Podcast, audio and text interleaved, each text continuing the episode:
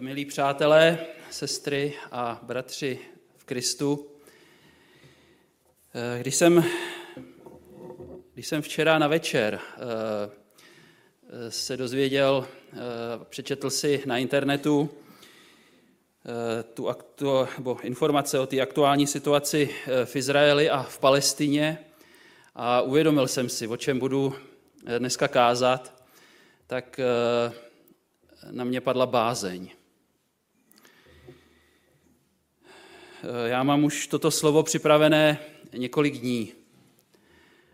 A e, ve světle toho, co se nyní e, v Izraeli děje, tak e, si moc přeji, aby, abychom z toho výkladu, z toho dnešního výkladu Božího slova, abychom vzali užitek eh, také eh, především pro eh, své osobní životy, do svých osobních životů. Díky našemu pánu za to, že hm, žijeme v zemi, kde je mír, kde nezuří žádný ozbrojený konflikt, kde rodiny mohou být pohromadě a nikdo není veden do boje. Eh, přesto ale nikdo z nás není eh, boje ušetřen. Pavel, apoštol Pavel píše Efeským.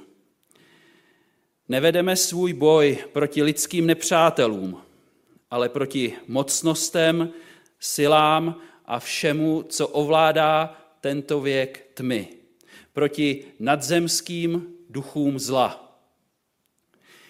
Eh, Timotea apoštol Pavel vybízí, bojuj dobrý boj víry, nebo snášej všechno zlé, jak osvědči se jako řádný voják Krista Ježíše. Takže, takže je tu nepřítel. Je tu nepřítel, který s námi chce válčit. A my stojíme v duchovním boji. Představuju si asi, jak bych byl sám ve svých zápasech úspěšný. Nemít Boha po svém boku a e, nebýt, e, nebýt dne odpočinku, nebýt dne neděle, který byl pro nás učiněn. E, chtěl bych se krátce pomodlit, můžete zůstat sedět. Pane Ježíši, tak tě moc prosíme o to, aby si nás posilnil tak v našem boji nyní svou přítomností. A prosíme tě, aby si nás tak vyučoval svým slovem. Amen.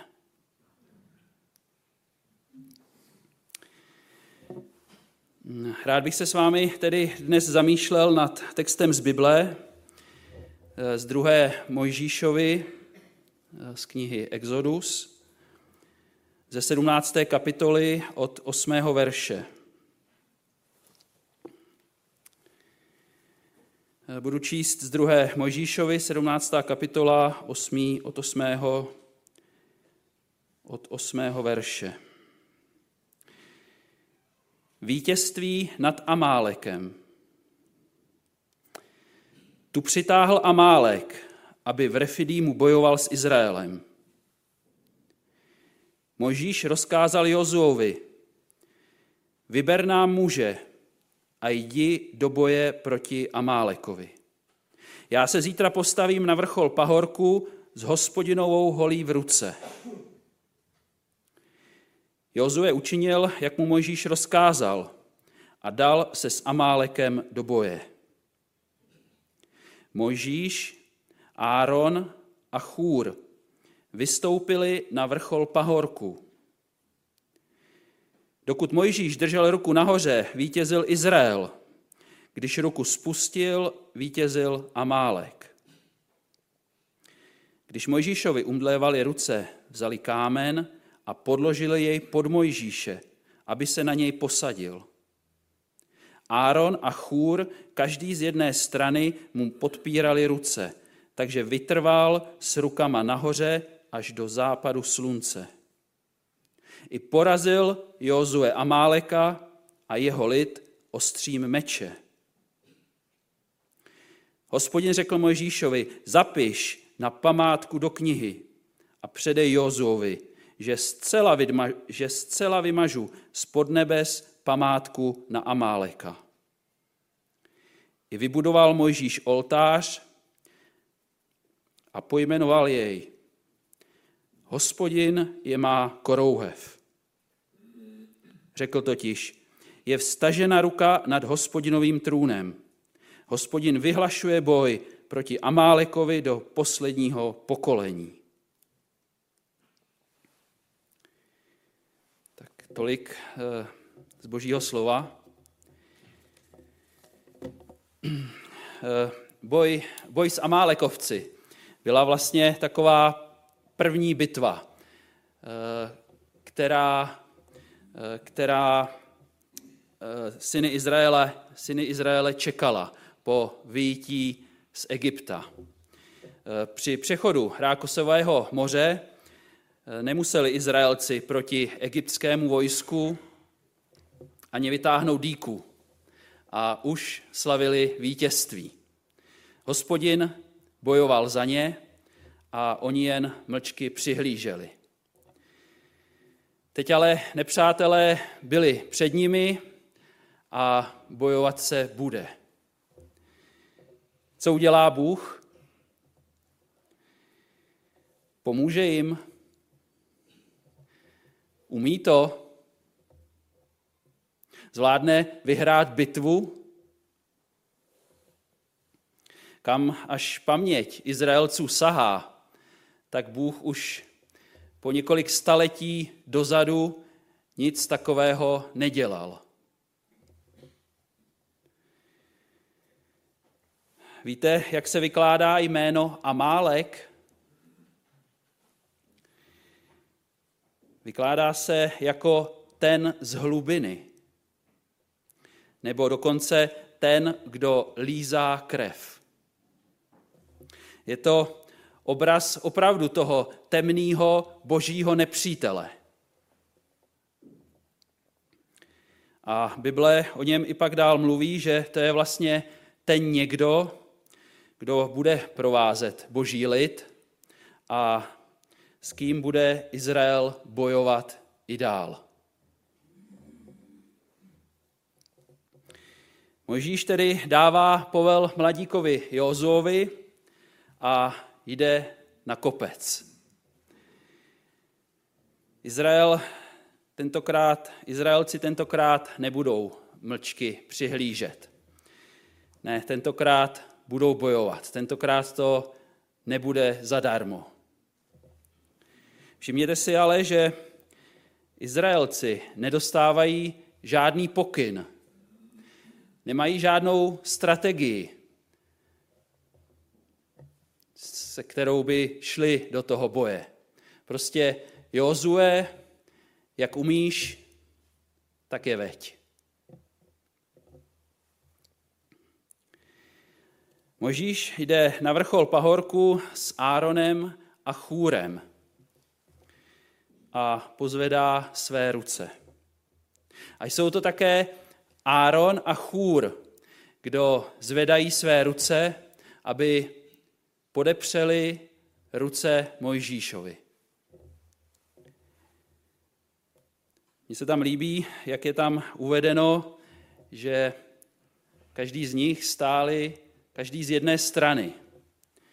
Eh, Mojžíš je obklopen lidmi, kteří ho podpírají a pomáhají mu vytrvat. Můžeme si třeba v čtení tohoto příběhu a při přemýšlení vzpomenout na učedníky. Petra, Jakuba a Jana, když byli s pánem Ježíšem v Getsemanské zahradě. Ježíš je také vzal sebou a řekl jim, zůstaňte se mnou, bděte a modlete se. Posilněte mě v mém boji. A vždycky je našel, jak spěj.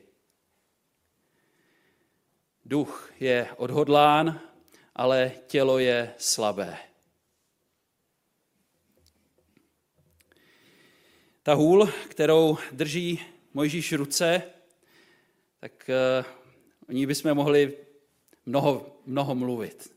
To úžasná věcička, co zázraků uh, s ní Mojžíš učinil. I pán Bůh se dal Mojžíšovi skrze tu hůl poznat a činil zázraky, když ho povolával k tomu, aby vyvedl Izraelce z Egypta. Ale nám ta hůl e, připomíná Boží slovo, které vyznáváme a kterého se držíme. Když má Mojžíš ruce vstažené, tak e, lid vítězí. Možná Jozovi a jeho mužům žehnal. Možná se za ně modlil. Možná za ně volá k Bohu. To nevíme. Ale když má ruce nahoře, tak se ten dlouhý celodenní boj daří.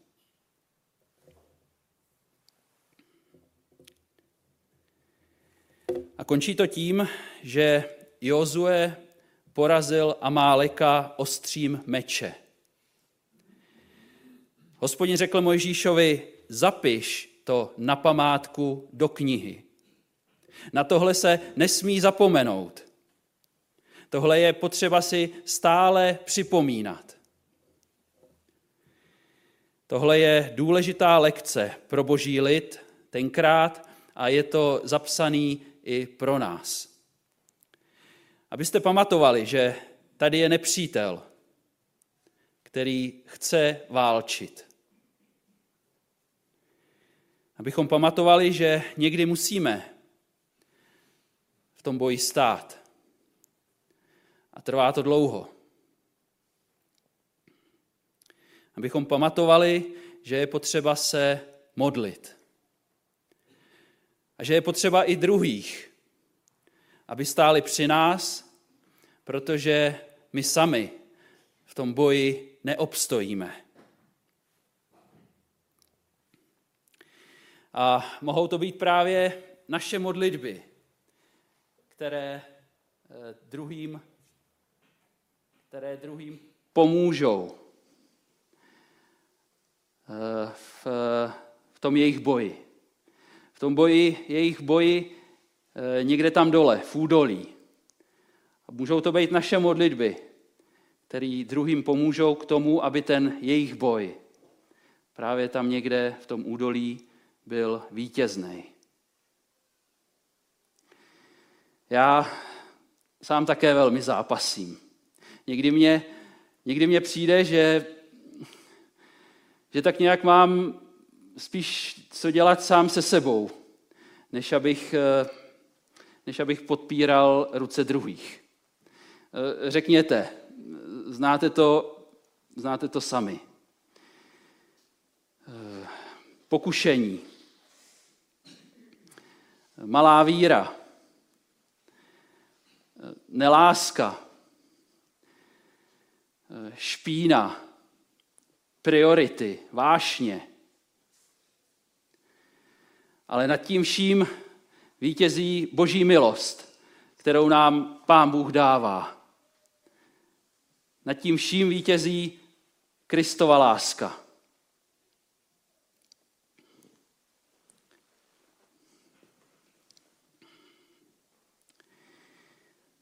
V tom všem se podřizuj Bohu.